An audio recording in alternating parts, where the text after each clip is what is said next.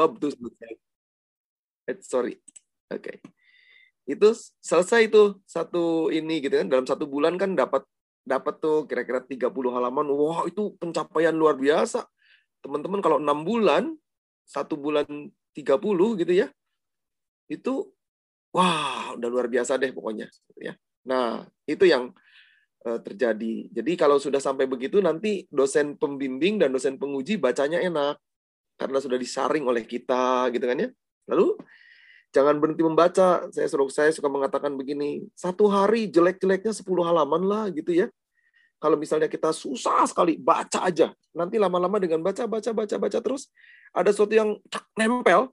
Nah, itu yang membuat kita ingin tahu terus terus keterusan baca malah jadi nyetop bacanya susah eh, ketika saya harus men menyampaikan uh, ujian tesis nanti tanggal 4, bahannya itu baru diserahkan ke saya hari Kamis kemarin. Udah siang gitu ya, saya baru sempat buka email jam 2. Ya udah saya tenang membaca gitu ya, hari Jumat jam 7 pagi sudah saya serahkan uh, hasil bacaan saya untuk layak uji gitu ya. Uh, tidak terlalu banyak memang 150 halaman begitu untuk ini tapi dia mengerjakannya enak gitu ya dan hasil dari proofreader jadi jadi bacanya enak jadi cepet gitu lalu komentarnya juga jadi jadi jadi gampang gitu melakukannya tinggal nanti ujian uji, ujian kalau di kami ujian itu tidak boleh membuat mahasiswa gemeteran di meja ujian gitu ya kita itu kalau ujian ngobrol nah tapi ngobrol berisi dia harus menjelaskan sesuatu dan pertanyaan kita mesti diberikan sebuah argumen yang kuat jadi jadi enak ujiannya. Saya selalu senang kalau menguji karena itu menyenangkan. Saya sendiri mendapatkan banyak feedback. Oke, jadi Jess, semangat. Juga tadi siapa ya? Andika ya? Andika? Terima kasih, Bapak. Oke, okay. good. Pokoknya oke okay lah gitu ya. Uh, oke, okay. semangat, semangat. Jangan berhenti. Oke. Okay. Yuk, mari kita berdoa. Bapak Sorgawi, kami bersyukur untuk pertemuan ini. Kami bersyukur untuk kesempatan yang baik kami mendengarkan sharing dan kami melakukan berbagai proses juga akan menyimak hal yang terkait dengan topik pembahasan kami. Kami memohon kepada Allah supaya apa yang kami dalami bersama-sama, maka kami boleh mengungkapkannya dan belajar mendalaminya, memahaminya di dalam anugerah Allah. Pakai hamba untuk menyuarakannya dan persiapkan kami bersama-sama untuk menyimaknya. Dalam Kristus kami berdoa. Amin. Oke, okay, saya share screen ya. Uh, teman-teman, kepada saya dimintakan untuk berbicara soal servant leadership.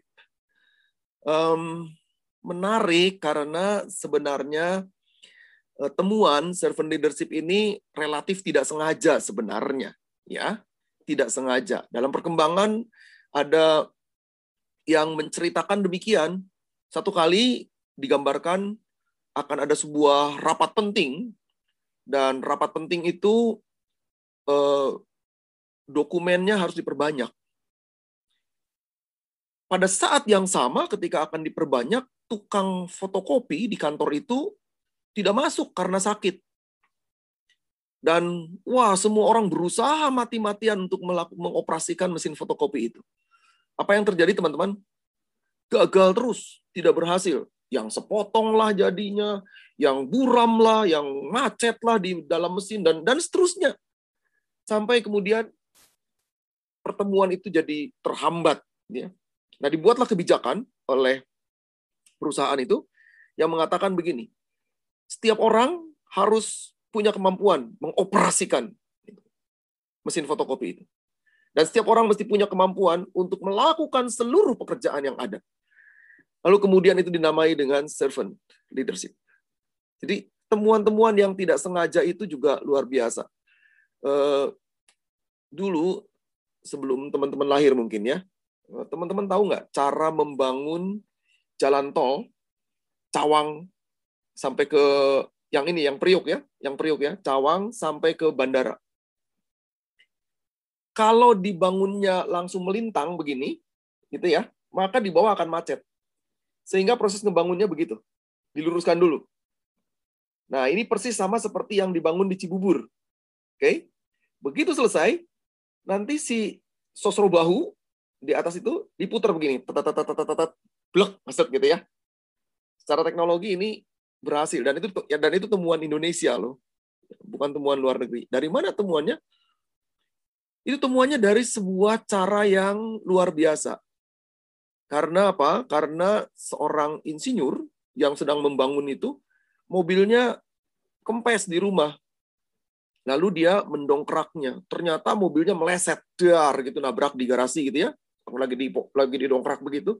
Karena ada oli di belakang dan licin. Dan dari situ dia temukan, oh kalau gitu oli bisa menjadi penopang, menggeser ini menjadi licin sehingga dari dari hidrolik dan seterusnya. Saya teknologinya nggak ngerti karena saya bukan orang teknik, tapi begitu.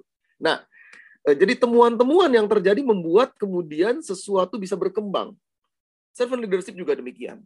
Tapi saya akan mengajak kita untuk melihat tahap pertama kita mesti memperhatikan tentang kepemimpinan, teman-teman. Kepemimpinan adalah kemampuan seseorang atau sebuah upaya sebenarnya untuk memberi pengaruh kepada yang lain. Jadi kalau seorang pemimpin tidak bisa memberi kontribusi untuk memberi pengaruh kepada yang lain, maka sebenarnya eh, dia sedang dalam, saya tidak mengatakan gagal, tapi dia sedang dalam proses pengujian kepemimpinannya.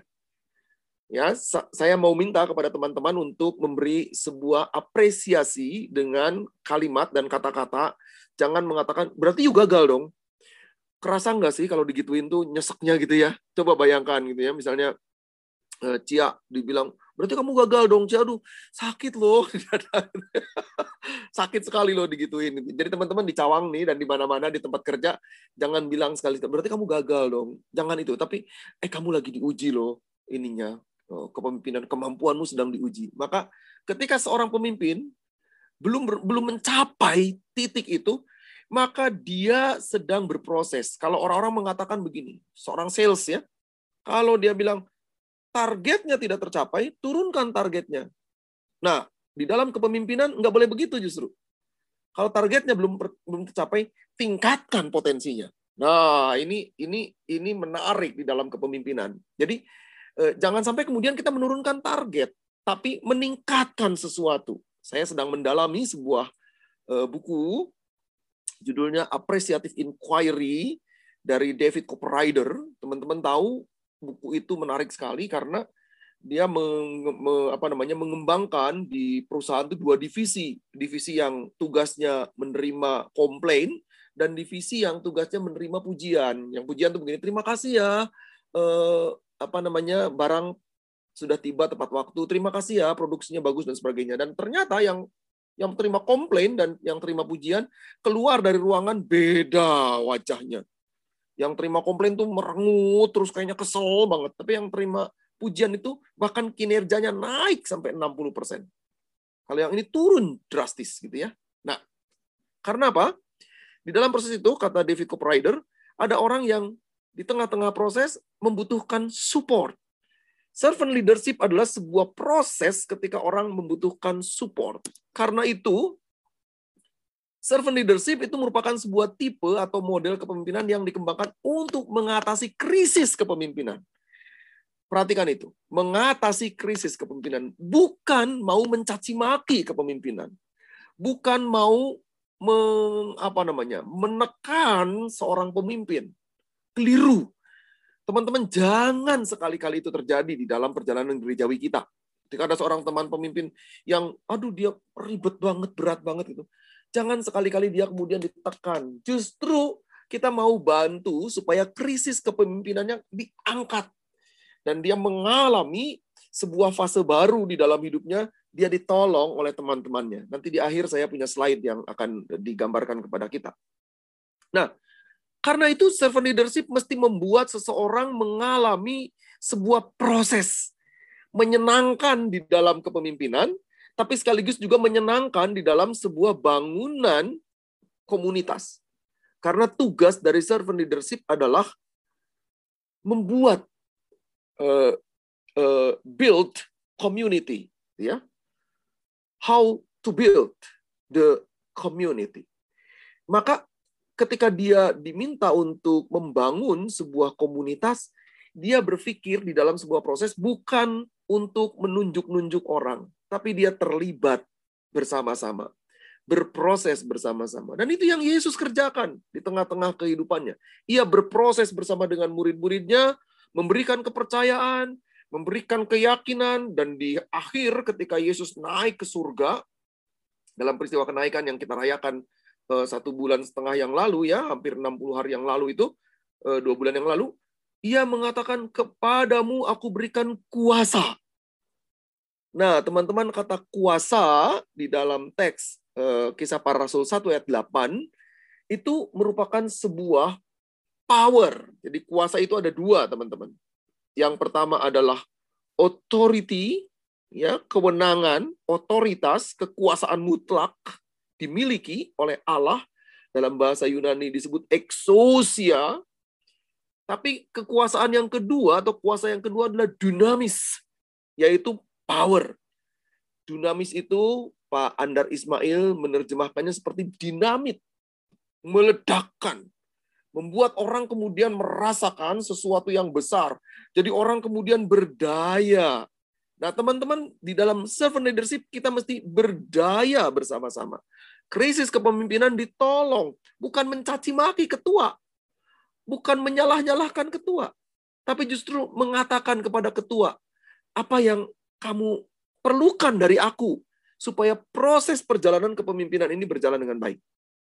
Nah, itu yang eh, kita perlu pahami. Sementara itu, teman-teman, sekarang sedang berkembang apa yang dikenali di dalam pemahaman yang disampaikan oleh Edward Zaragoza namanya. Edward Zaragoza itu memperkenalkan sebuah pola di dalam sebuah buku yang menarik, No Longer Servant But Friend, Uh, memang ini adalah sebuah theology of ordained ministry gitu ya, sebuah teologi tentang pelayanan penhabisan. Tetapi ia katakan begini, kata uh, Zaragoza, yang perlu dilakukan adalah sekarang ini membangun friendship leadership. Friendship leadership itu berada di dalam sebuah kepemimpinan atau teologinya di dalam kepemimpinan filiarki dari kata filia, persahabatannya, tapi dia membangun persahabatan dengan kuat dan membangun sebuah ikatan dalam kepemimpinan juga dengan kuat. Sehingga semua orang ikut berproses di dalam perjalanan pelayanan bersama-sama. Ini menjadi sangat menarik. Nah, saat ini dalam kerangka uh, servant leadership, saya akan memperkenalkan dan mengajak teman-teman untuk berjumpa bersama dengan seorang tokoh di dalam Alkitab. Namanya Nehemia. Mari kita amati dengan baik siapa dia, ya. Nah, teman-teman, Nehemia digambarkan di dalam Alkitab kita, di kitab Nehemia dan di kitab uh, Samuel juga di kitab Raja-Raja saya ya uh, kita temukan dia adalah penyaji minuman anggur di istana, di istana di Puri Susan di kerajaan Persia.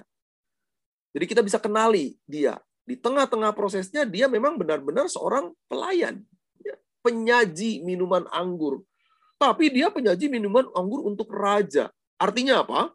Dia orang yang trusted. Sangat dipercaya. Dan ini penting di dalam hidup kita. Kriteria kepemimpinan adalah trust. Trust itu dihadirkan melalui dedikasi. Trust itu dihadirkan melalui dedikasi. Dedikasi itu ditampakkan melalui kinerja. Gitu ya. Kinerja. Saya suka menguji dengan pertanyaan. Coba teman-teman. Uh, ada nggak yang mau jawab? Boleh loh jawab loh ya. Gini. Ada yang udah pacaran nggak? Eh, biasa suka nggak suka nggak ngaku sih biasanya. Gak apa lah, pemuda mengaku pasti. Ada yang pacaran nggak? Atau ada yang sudah menikah nggak gitu ya? Coba teman-teman saya tanya. Dari mana kita tahu bahwa pacar kita mengasihi kita. Bahwa pacar kita menyayangi kita. Saya stop screen dulu supaya kita diskusikan kecil ini. Oke, teman-teman. Saya butuh jawaban. Dari mana aku tahu bahwa istriku mencintaiku? Dari mana aku tahu bahwa pacarku mencintaiku? Dari mana? Ada yang bisa jawab? Dari mana aku tahu bahwa dia menyayangiku? Dari mana? Belum punya pacar, Pak. Oke, dari mana Jessica tahu bahwa ayahmu, ibumu mencintaimu? Nah, itu. Dan Dari perlakuannya. Nah, itu Pak. penting. apa Kenapa? yang mereka berikan, semua yang diberikan ke saya. Oke. Jadi perhatian dan sebagainya kan itu ya. Saya suka ngomong gini loh di bina pranikah nih, di bina pranikah ya. Saya bilang begini, mau bina pranikah loh, artinya sudah sudah paling tidak setahun ke depan akan menikah kan gitu ya. Awas hati-hati, jangan pernah percaya pada kata-kata gombel gitu kan ya. Wah, engkau manis cantikku gitu kan ya. Orang baik-baik dikasih nama bagus dipanggil peang gitu kan. Kenapa tahu? Kalau manggil yang gitu peang. Oke, joking. Betul sekali. Kriterianya adalah kita tahu seseorang mencintai kita karena dia memberikan tindakan cinta. Hanya itu. Omongan itu memang menyenangkan.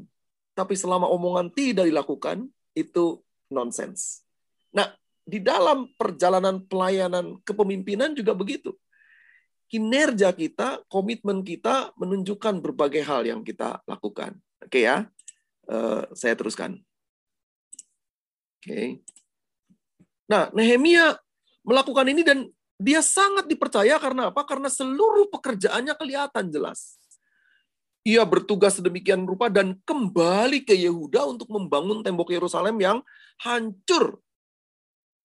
Tiga kilometer sudah dibangun berpuluh tahun, nggak selesai-selesai. Tiga kilometer loh. Itu dari Cawang ke mana ya? Cawang sampai ke Jatinegara paling ya, kira-kira. Itu nggak selesai-selesai. Kalau sama Jokowi mah selesai cepat. Ini lama banget. Dan dia melakukan sesuatu yang luar biasa. Apa itu? Ini yang dikerjakan. Jadi yang pertama, rekan-rekan, penting bagi seseorang di tengah-tengah pelayanannya, servant leadership di dalamnya, menggumuli dan membangun tekad. Ini yang mesti terjadi. Dan ini terjadi pada Nehemia. Ia kenali dulu panggilannya. Ia merespons panggilan dengan kemampuan intelektual. Itu artinya seluruh daya, tadi saya berbicara soal eh, apa namanya? soal dinamis, maka seluruh daya ia kerahkan untuk itu. Merespons dengan panggilan intelektualnya, kemampuan intelektualnya. Jadi apa yang Tuhan anugerahkan dengan kemampuan secara intelektual jangan diabaikan. Karena itu anugerah dan harus dikerjakan. Lalu, ia mengumpulkan informasi secara komprehensif termasuk catatan pada masa Ezra. Catatan di tengah-tengah situasi yang terjadi. Ezra mengerjakan apa, Nehemia mesti melakukan apa. Servant leadership adalah juga menyediakan diri untuk melihat berbagai hal yang teman-teman yang lalu sudah kerjakan. Kita mesti memberi apresiasi pada apa yang dikerjakan oleh teman-teman di periode yang lampau. Jadi jangan sampai kemudian mengatakan begini, waduh payah periode yang lalu nggak bikin apa-apa. Kata siapa nggak bikin apa-apa? Ada sesuatu kecil sekalipun tapi bernilai. Jadi itu terkait dengan bagaimana kita punya spirit untuk mengapresiasi pekerjaan teman. Dan ini dilakukan dan pada appreciative inquiry, teman-teman, ini di, di betul-betul perlu disampaikan gitu ya. Tanpa kehilangan spirit untuk mengkritik.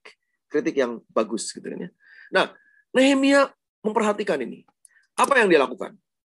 Ia menyampaikannya demikian, ya. Datanglah Hanani, salah seorang dari saudaraku dengan beberapa orang dari Yehuda. Aku menanyakan mereka tentang orang-orang Yahudi yang terluput, yang terhindar dari penawanan dan tentang Yerusalem. Kata mereka kepadaku, orang-orang yang masih tinggal di daerah sana yang terhindar dari penawanan ada dalam kesukaran besar. Dan dalam keadaan tercela, tembok Yerusalem telah terbongkar dan pintu-pintu gerbangnya telah terbakar. Ketika aku dengar berita ini, duduklah aku menangis dan berkabung selama beberapa hari. Aku berpuasa dan berdoa kehadirat Allah semesta langit. Nehemia 1 ayat 2 sampai dengan 4 menggambarkan situasi itu. Nehemia ikut prihatin dengan situasi yang terjadi. Dan dia tidak mau membiarkan ini berlangsung begitu saja karena ini menjadi simbol dari kehidupannya. Karena itu, apa yang dilakukan Nehemia?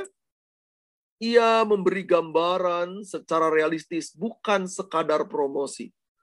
Teman-teman, servant leadership adalah sebuah proses kepemimpinan yang di dalamnya seorang pemimpin memberdayakan semua orang dan memberikan harapan. Bukan sekadar promosi. Nanti teman-teman silakan simak pada Nehemia 2 ayat 17 dan 18. Lalu apa lagi?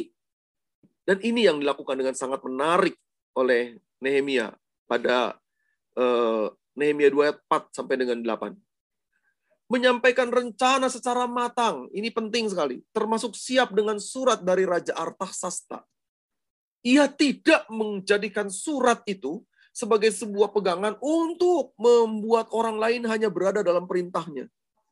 Tapi ia berproses melakukan karya yang luar biasa. Ia rela dan siap bekerja bersama-sama. Servant leadership adalah kesediaan untuk melakukan segala sesuatu bersama-sama. Dan ini ditampakkan oleh Nehemia, ia menunjukkan kesiapan bekerja. Dan tidak hanya sekadar menunjuk-nunjuk orang. Teman-teman kalau melihat dari Nehemia, nanti teman-teman baca ya, secara menurut Nehemia itu nggak banyak uh, teksnya. Coba uh, baca jangan dengan target membaca secara selesai, secara tuntas, tapi membaca dengan targetnya memahami. Teman-teman baca pelan-pelan sekali membaca. Resapi apa yang Nehemia. Saya saya lagi curiga nih, teman-teman. Saya menyampaikan ini juga kepada teman-teman di uh, apa namanya di sekolah teologi. Saya sedang curiga jangan-jangan pemerintahan ini, Pak Jokowi khususnya, dia membaca secara saksama kitab Nehemia. Siapa yang mendorongnya? Pasti Pak Ahok. Ya. Paling Pak Ahok bilang begini, Pak, tolong baca ini. Mungkin pada waktu itu dia tidak menunjukkan Alkitabnya, tapi menuliskan narasi tentang Nehemia. Dan kemudian dia gambarkan sedemikian rupa sampai kemudian dia punya spirit mau membangun jalan tol dari ujung Aceh sampai ke Merauke. Termasuk tol laut. Dan ia lakukan dengan bekerja. Ini yang Nehemia kerjakan, teman-teman. Lakukan dengan bekerja. Servant leadership adalah memimpin dan mengerjakan bersama-sama. Eh, saya sedang mengamati bagian dinas kemiliteran nih. Ya, saya bukan pengamat militer, tapi saya sedang mengamati apa yang dilakukan oleh Pak Andika, Kepala Staf Angkatan Darat. Dia sepertinya mau melakukan hal seperti itu juga. Jenderal Mulyono, dia melakukan hal seperti itu sampai rela datang ke barak-barak dan dia kemudian mengambil uh, tangan para prajurit. Kamu tangannya coba peluk saya. Lalu dia lepaskan tanda pangkat jenderalnya empat bintang itu dia lempar. Ini apa? Kita sama-sama sekarang bergandeng tangan. Yang pergi bertempur itu kamu bukan saya. Ketika kamu mendapat eh, perampok atau teroris berhasil menangkapnya, kamu mengambil beberapa pucuk senjata yang berhasil itu kamu bukan saya. Saya itu di Jakarta. Diam-diam. Wah hebat sekali itu. Salut saya. Nehemia melakukan pola itu. Nah, karena itu apa yang harus dilakukan teman-teman di dalam proses uh, servant leadership? Kita perlu memberi apresiasi pada semua. Servant leadership adalah sebuah kepemimpinan yang apresiatif. Dia mendelegasikan pekerjaan dengan jelas. Kalau kita lihat Nehemia pasal 3, teman-teman boleh mengerti di situ, dia betul-betul si siapa mengerjakan apa, kapan gitu ya, di mana dan jadi uh, ada sebuah teori yang menuliskan begini kan ya. Uh, who do what, when, where, and apa gitu ya. Siapa mengerjakan apa, kapan, di mana, dan seterusnya. Dan itu dilakukan oleh Nehemia. Lalu yang penting juga adalah mencatat kontribusi setiap kelompok. Mencatat, maksudnya mencatat adalah memberikan apresiasi dengan mengingat semua pekerjaan itu. Gak boleh orang kemudian mengabaikan itu. Dan ini, memanusiakan setiap yang terlibat. Setiap orang yang ikut serta di dalamnya berproses. Dia terlibat melakukan langkah-langkah. Dan ini penting sekali kita amati bahwa setiap orang yang terlibat di dalamnya, orang Jawa mengatakan ngewongke, gitu kan ya, memanusiakan servant leadership, kelemahan yang terjadi di dalam kepemimpinan adalah, kalau saya sebut kelemahan ya, orang jarang memberi ruang pada situasi ini yang butir tiga. Tidak memanusiakan. Karena itu bentuknya perintah-perintah. No. Tapi kita bisa bertanya kepada teman-teman, eh, seksi ini atau bidang persekutuan, bagaimana eh, informasi yang Anda bisa lakukan? Lalu aku nggak bisa begini. Apa yang bisa kami bantu? Apa yang bisa kami ikut serta? Apa yang bisa kami? Dengan demikian kita mau mengatakan bahwa dia sedang diposisikan ngewongke itu. Nah, sekarang saya mau memperkenalkan sebuah ilustrasi untuk kita semua. Mari kita simak sebuah ilustrasi, teman-teman. Saya ini dapat dari rekan dan kemudian saya modifikasi beberapa ya. Eh, ini yang terjadi. Bila antar teman kita seperti angsa, Alangkah indahnya. Mari kita amati sama-sama. Bila kita sedang berada di negara empat musim, kadang kita melihat angsa terbang berombongan pergi ke daerah yang lebih hangat, menghindari musim dingin. Perhatikan mereka terbang dalam formasi V. Lihat itu. Uh, saya di depan ini, uh, ke sana itu laut ya, di, di depan rumah saya ini, ke sana laut. Dan kalau sore, jam 4, jam 5, jam 6, seperti ini, saya suka melihat eh, apa namanya angsa atau bangau terbang bisa 20 ekor gitu ya. Dan bentuknya begini betul sekali V. Mungkin anda ingin tahu kenapa demikian?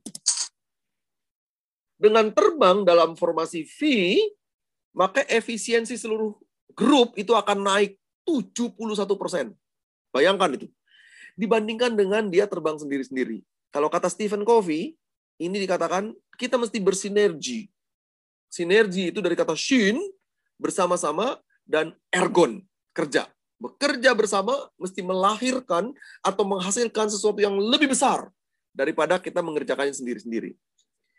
Kalau dia terbang sendiri-sendiri dan kita kerja sendiri-sendiri, teman-teman, waduh itu berat, ya. Apalagi kalau kita kemudian saling mengandalkan teman. No, leadership, uh, servant leadership itu bukan mengandalkan, tapi justru melakukan bersama-sama bekerja secara tim atau teamwork, bergerak ke arah tujuan yang sama, membuat kita mencapai tujuan lebih cepat dan lebih ringan. Nah, teamwork itu membuat kita punya spirit yang besar. Ini luar biasa sekali. Lalu, ketika salah satu angsa, perhatikan ini, ketika salah satu angsa meninggalkan formasi, apa yang terjadi?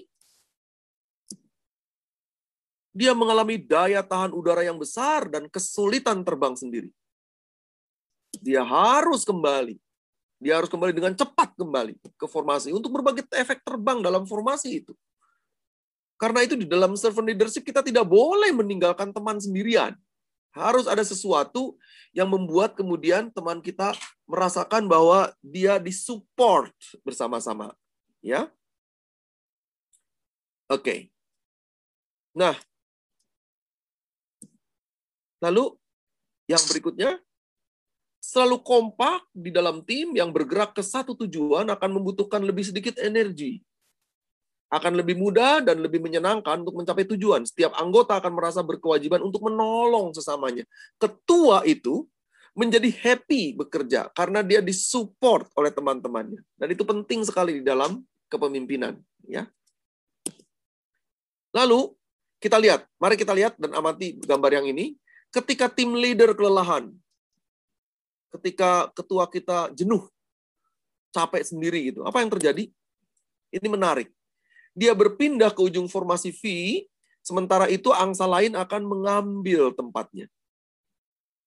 Di dalam kepemimpinan bukan berarti kemudian dia menyingkirkan sama sekali tidak, apalagi dalam leader, eh, servant leadership, tapi dia rela untuk bersedia maju ke depan. Tidak berarti seorang ketua itu harus berhadapan sendirian dengan majelis jemaat. Wah, enggak, gitu ya.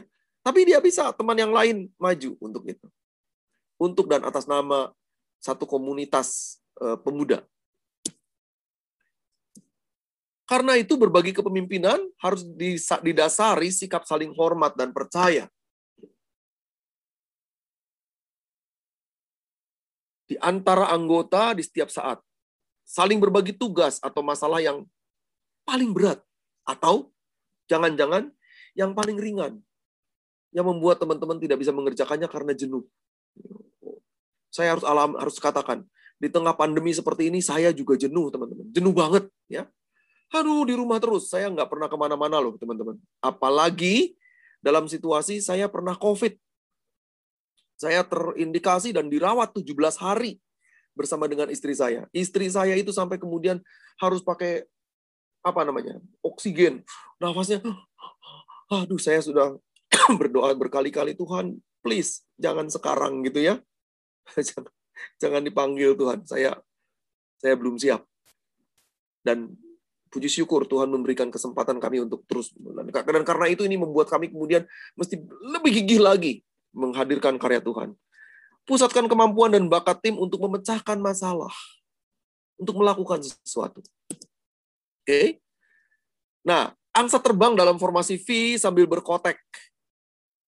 Hal ini akan memberi semangat terbang tim leader. Juga dengan cara demikian mereka terbang dengan kecepatan yang sama. Sama-sama berjalan. Ya, itu kriteria shun hodos atau sinode. Berjalan bersama-sama, berkotek bersama-sama, memberi semangat bersama-sama. Nah, bila ada penyemangat dan bila ada semangat dan penyemangat, kecepatan penyelesaian pekerjaan itu bisa lebih besar. Keberadaan semangat akan selalu memotivasi, menolong, dan menguatkan. Dan ini menghasilkan kualitas yang terbaik. Teman-teman, apa yang terjadi ketika salah satu angsa sakit atau kelelahan? Dia akan tertinggal dan keluar dari formasi. Lalu apa yang terjadi?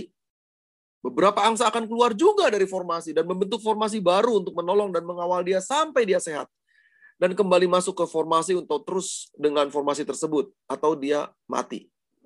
Tapi maksudnya jangan sampai kemudian ketika ada teman lemah eh, apa namanya mundur, teman-teman yang lain ikut mundur. Bukan. Justru menemani supaya dia maju kembali ke formasi.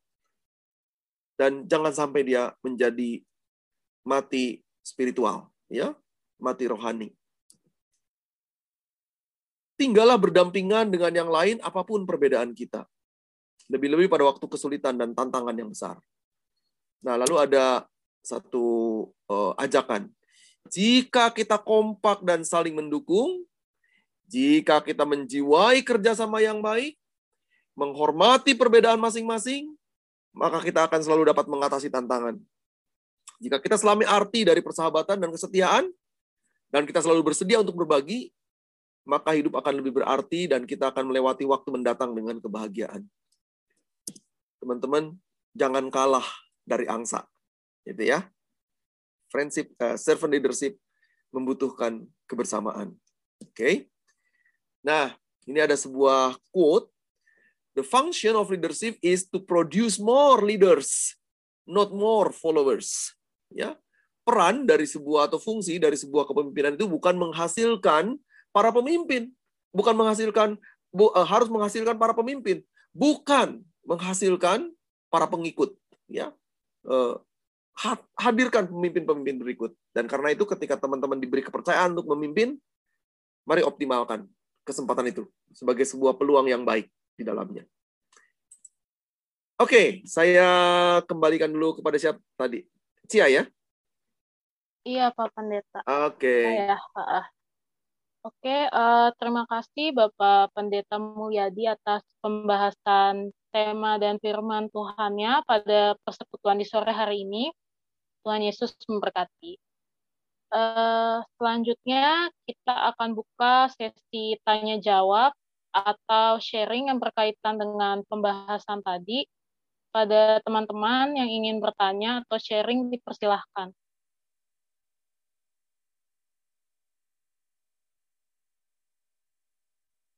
apakah ada yang ingin bertanya mengenai servant leadership atau sharing mungkin?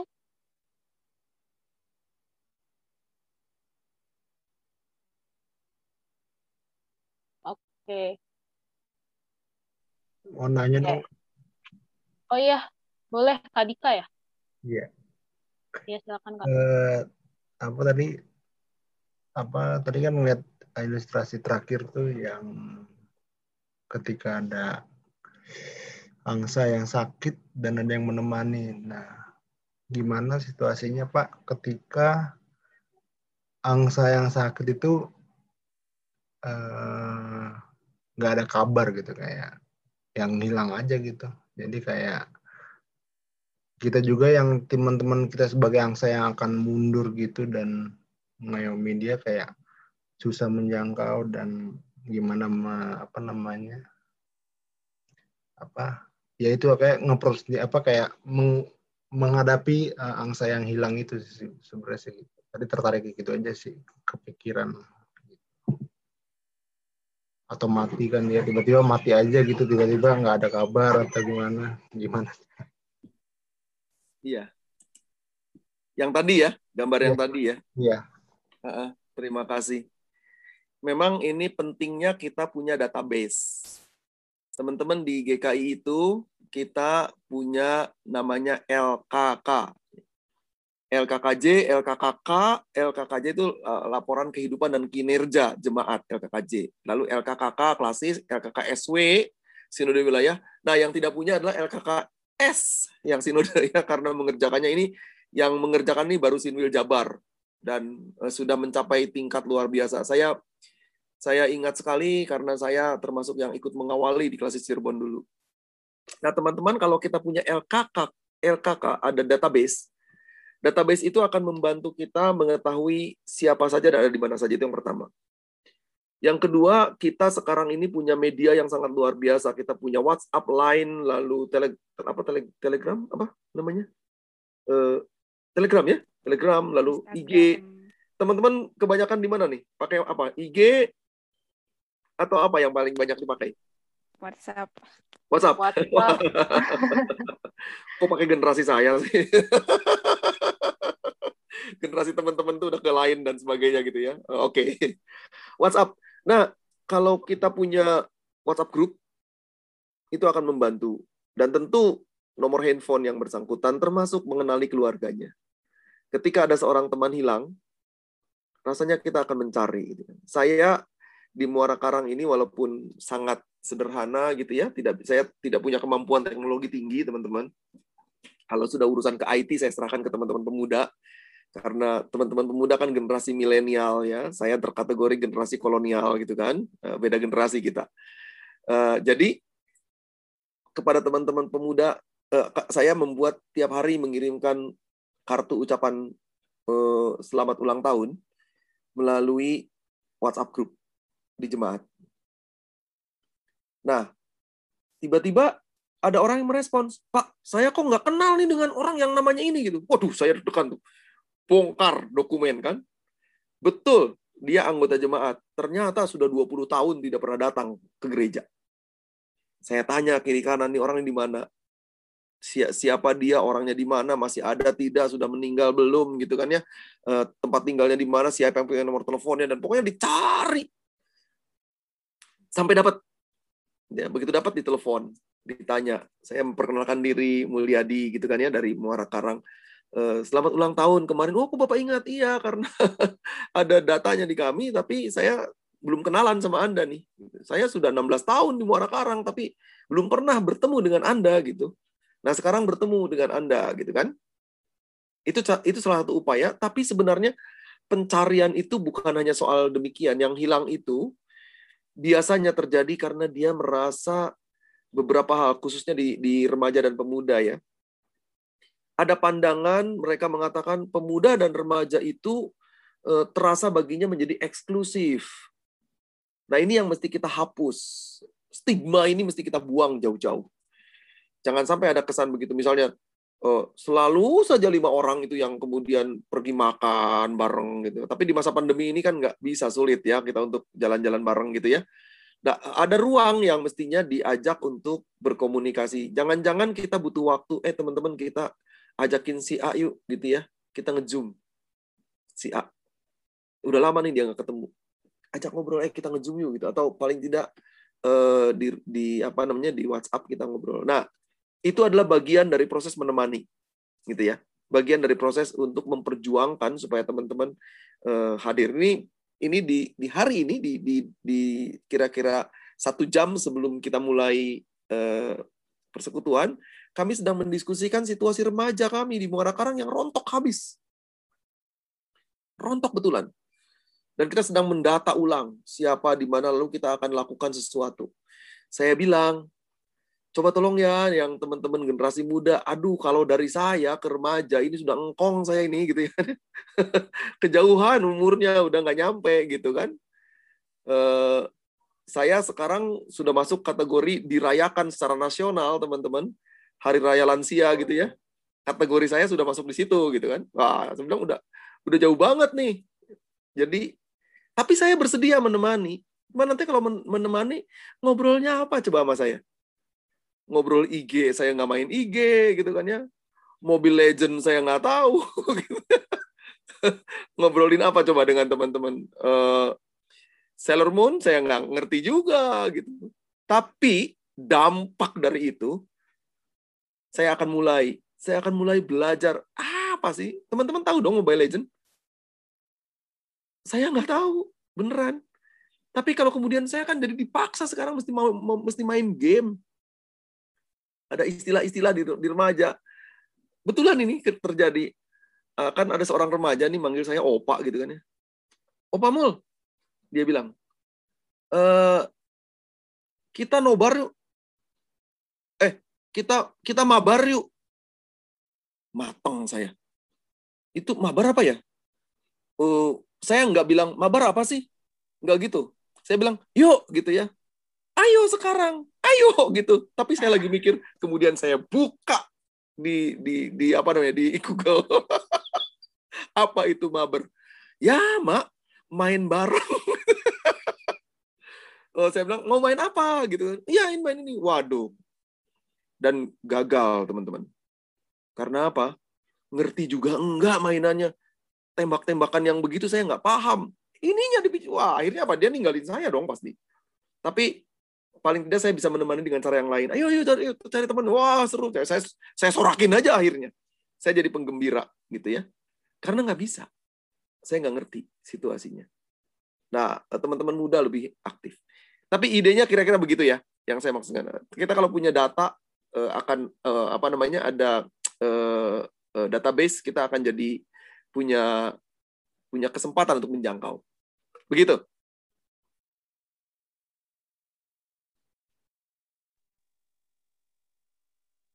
Iya. Oke, uh, ya terima kasih Kak Dika atas pertanyaannya. Mungkin dari teman-teman lain ada yang ingin bertanya atau sharing? By the way, Dika sedang studi apa di mana? Pasca sarjana ya? Uh, iya, Pak Peneta. Lagi studi di SBM ITB Jakarta. Oh, oke. Okay. Ambil apa? General Management. Oh, good. Wow. Keren, keren, keren. Mantap.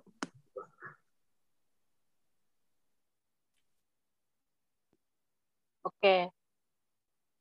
Mungkin saya ingin bertanya deh Pak Pendeta, ya. uh, tadi kan uh, Pak Pendeta sempat uh, membahas ya kalau ketika pemimpin itu belum mencapai suatu target, itu bukan berarti gagal, tapi ya. itu namanya lagi uh, berproses yang diuji. Jika uh, tadi penanggapan saya, jika belum mencapai titik itu, maka justru bukannya kita menurunkan target kita seperti layaknya suatu industri ya suatu perusahaan tapi kita malah harus meningkatkan uh, target kita gitu. Nah yang saya tanyakan Pak Pendeta uh, kalau dari saya pribadi kadang kalau saya malah meningkatkan target itu kadang saya itu justru malah merasa terbebani gitu. Nah itu gimana ya caranya biar uh, justru kita itu bisa mengambil makna positif dari peningkatan target itu bukan makna negatif jadi merasa terbebani hmm. itu aja sih Pak Pendeta ah sayang saya oke okay. thank you ya oh, ini sebenarnya yang ginian yang jawab pastinya Andika justru ini manajemen ini uh, teman-teman ada yang membaca bukunya uh, Man of the Year-nya ini enggak? Astra, PT Astra. Siapa coba? bukunya warna hitam. Tapi buku ini terbitnya udah lama, tebel, 600 halaman. Uh, tapi membacanya asik gitu teman-teman kalau baca itu akan cepat bacanya karena enak sekali bahasanya bagus sekali dan itu kisah-kisah the success story sekaligus juga keadaan-keadaan yang terpuruk pada PT Astra zaman sampai kemudian dia dibombardir habis tuh uh, gara-gara Bang Suma tuh dan seterusnya. Ada yang tahu? Itu William Suryajaya. Teman-teman mesti baca menurut saya mesti baca. Harus usahakan cari bukunya gitu ya. Bukunya udah udah lama. Buku itu jeleknya saya. Itu kalau saya habis baca buku dan bukunya bagus, saya selalu ngomong ke teman-teman pemuda, teman-teman ada buku bagus nih, you mesti baca. Buku itu beredar gitu, terus beredar dan lenyap gitu kan bukunya. Bukan bukan hilang tapi kadang-kadang memang ada yang lupa mengembalikan gitu kan. Nanti kalau tiba-tiba udah lama eh om ini bukunya ketemu. Jadi beliau mengatakan begini. Pada waktu itu Astra eh, pada sepeda motor ya bukan pada mobilnya. Dia bilang target kita mesti capai satu juta tahun. Pada waktu masih dalam kategori ratusan dan dia bilang kita harus mengembangkan sampai segala sesuatu. Tahu nggak teman-teman yang dia lakukan?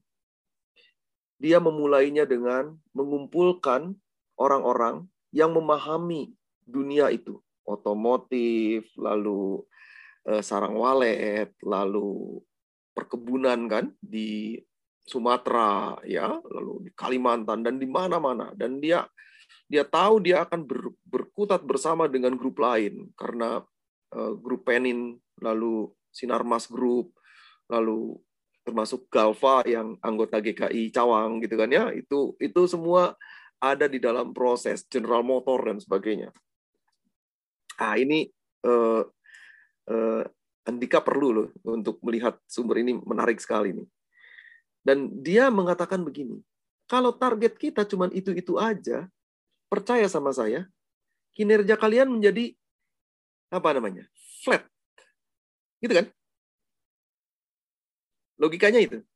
Udah tahu. Dan akibatnya apa? Nggak ada lagi challenge. Kita tidak punya tantangan.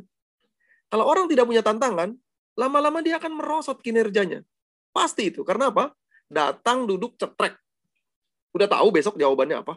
Ketika ditanya, apa yang terjadi hari ini? Itu pekerjaan yang satu hari dia bisa selesaikan dua jam. Sisanya chatting. Percaya sama saya itu terjadi di dalam perjalanan uh, teman-teman di kantor. Kalau sudah flat. Nah, karena itu kata Om William, kita mesti punya sesuatu ketika ini tinggi dan tidak tercapai, jangan menurunkan ini, tapi naikkan kinerja. Lalu untuk menaikkan kinerja itu proses pelatihan, lalu pengetahuan-pengetahuan, berbagai hal yang akan menopang itu mesti diangkat termasuk kalau perlu mendatangkan orang yang ahli di situ. Makanya dia tidak segan-segan mendatangkan Jepang-Jepang itu ke Indonesia untuk supaya apa? Ahli teknologi tapi sekaligus juga bukan soal ahli teknologi. Pencapaian target maka dia punya pola. Sepeda motor itu begitu keluar dari kalau pakai gerbang gitu ya gerbang seret satu motor keluar gitu ya maka motor itu keluar sudah ada pemiliknya. Jadi ketika motor itu di dikerjakan mulai dari satu baut gitu, dipasang dan uh, di apa kerangka ditempel, blek itu sudah ada pemiliknya. Siapa yang akan mengerjakan itu? Orang sales. Divisi marketing harus kuat. Siapa yang akan backup marketing? Orang administrasi yang akan men mengerjakan itu. Siapa yang akan melakukan ini? Kemudian ke produksi. Siapa produksi? Bahan baku. Bahan bakunya bagaimana? Semua semua itu link yang luar biasa. Nah, jadi ngomongin manajemen. Tapi di dalam servant leadership itu mesti terpola menjadi sebuah spirit bersama. Kita punya target ini. Maka semua mesti bersama-sama mencapai target itu. Jadi kalau orang mengatakan itu ketinggian gitu ya. Eh, orang suka mengatakan begini, turunkan. Kalau saya katakan bukan turunkan. Tapi di dalam appreciative inquiry dikatakan begini, telusuri potensi yang kita punya. Kalau memang dari potensi yang ada itu, kita tidak mungkin menjangkau angka 5, jangan-jangan kita salah membuat prediksi. Bukan menurunkan, tapi salah membuat prediksi. Prediksinya kita atur.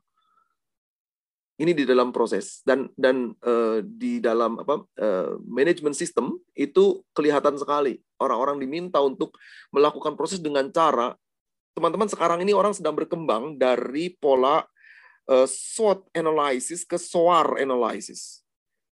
SWOT analysis itu tidak ada weakness-nya loh, tidak ada threat-nya.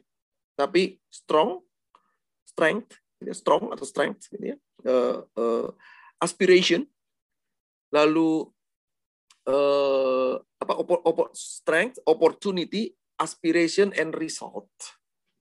Result itu ditentukan oleh bagaimana orang memanfaatkan setiap opportunity yang tersedia. Kalau di SWOT, kita melihatnya weakness dan karena kita melihat weakness, orang kemudian bertumpu pada weaknessnya terus. Di dalam kepemimpinan juga gitu. Coba lihat di di di, di kita. Kalau kita sedang mencari ketua pemuda, di Cawang berebutan kan saya dong, saya dong jadi ketua. Masa saya belum pernah jadi ketua sih? Begitukah? Ya. Yang terjadi orang pada ngumpet gitu nggak mau jadi ketua. Kenapa? Karena kita bertemu dengan weakness dan weakness itu dijadikan tameng oleh banyak orang, tapi sekaligus juga dijadikan sasaran tembak.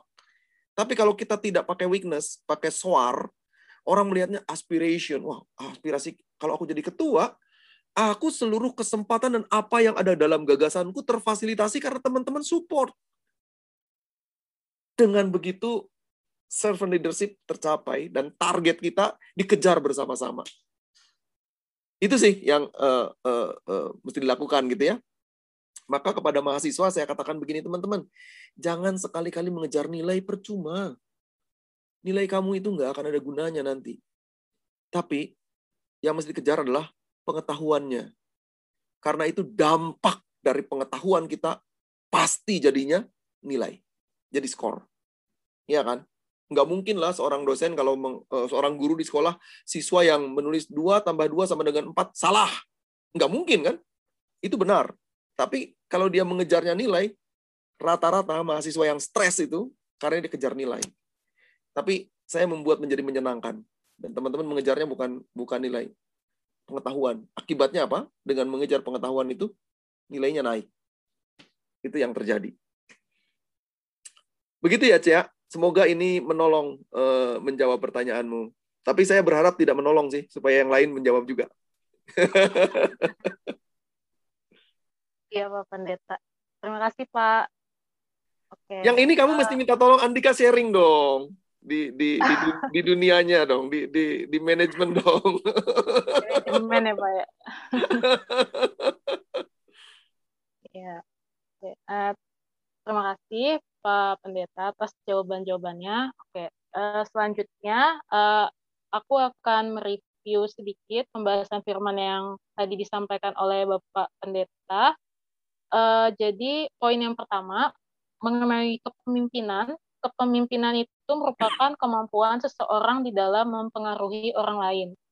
Kemudian poin yang kedua, uh, servant leadership itu merupakan suatu tipe atau model kepemimpinan yang dikembangkan untuk mengatasi krisis kepemimpinan. Uh, tujuan dari servant leadership adalah build community atau membangun komunitas di mana di dalam prosesnya itu kita bukan menunjuk atau menyalah-nyalahkan pemimpin, tapi hendaknya kita turut terlibat di dalam proses itu. Kemudian ada dua macam kepemimpinan yaitu authority atau power atau daya. Yang hendaknya kita implementasikan adalah power atau daya, yaitu kita harus menolong pemimpin ikut terlibat dan tidak menyalah-nyalahkan pemimpin. Kemudian dari power itu hendaknya kita membangun friendship leadership, yaitu membangun ikatan di dalam kepemimpinan uh, dengan semua orang tanpa kecuali. Contoh servant leadership ada di dalam sosok tokoh Alkitab yang tadi dibahas, yaitu Nehemia, di mana Nehemia itu sangat dipercaya oleh raja. Uh, atau di sini kita bisa mengembangkan poin trust. Uh, trust itu lahir dari dedikasi dan dedikasi itu berasal dari kinerja. Uh, Nehemia terbukti memiliki kinerja yang jelas.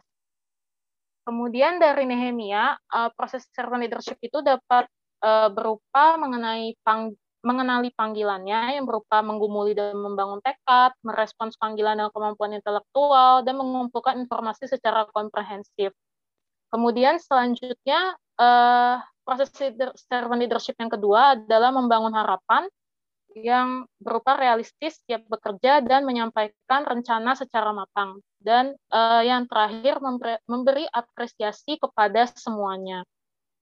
Ilustrasi lebih lanjut dari servant leadership adalah seperti angsa terbang dengan formasi V, di mana uh, angsa itu tidak meninggalkan rekan-rekannya, harus kompak, berbagi kepemimpinan, saling hormat, percaya, berbagi tugas, eh, memberi semangat ke tim leader, berjalan dengan kecepatan yang sama agar penyelesaian pekerjaan berkembang dengan lebih besar dan uh, tinggal berdampingan dengan perbedaan yang ada.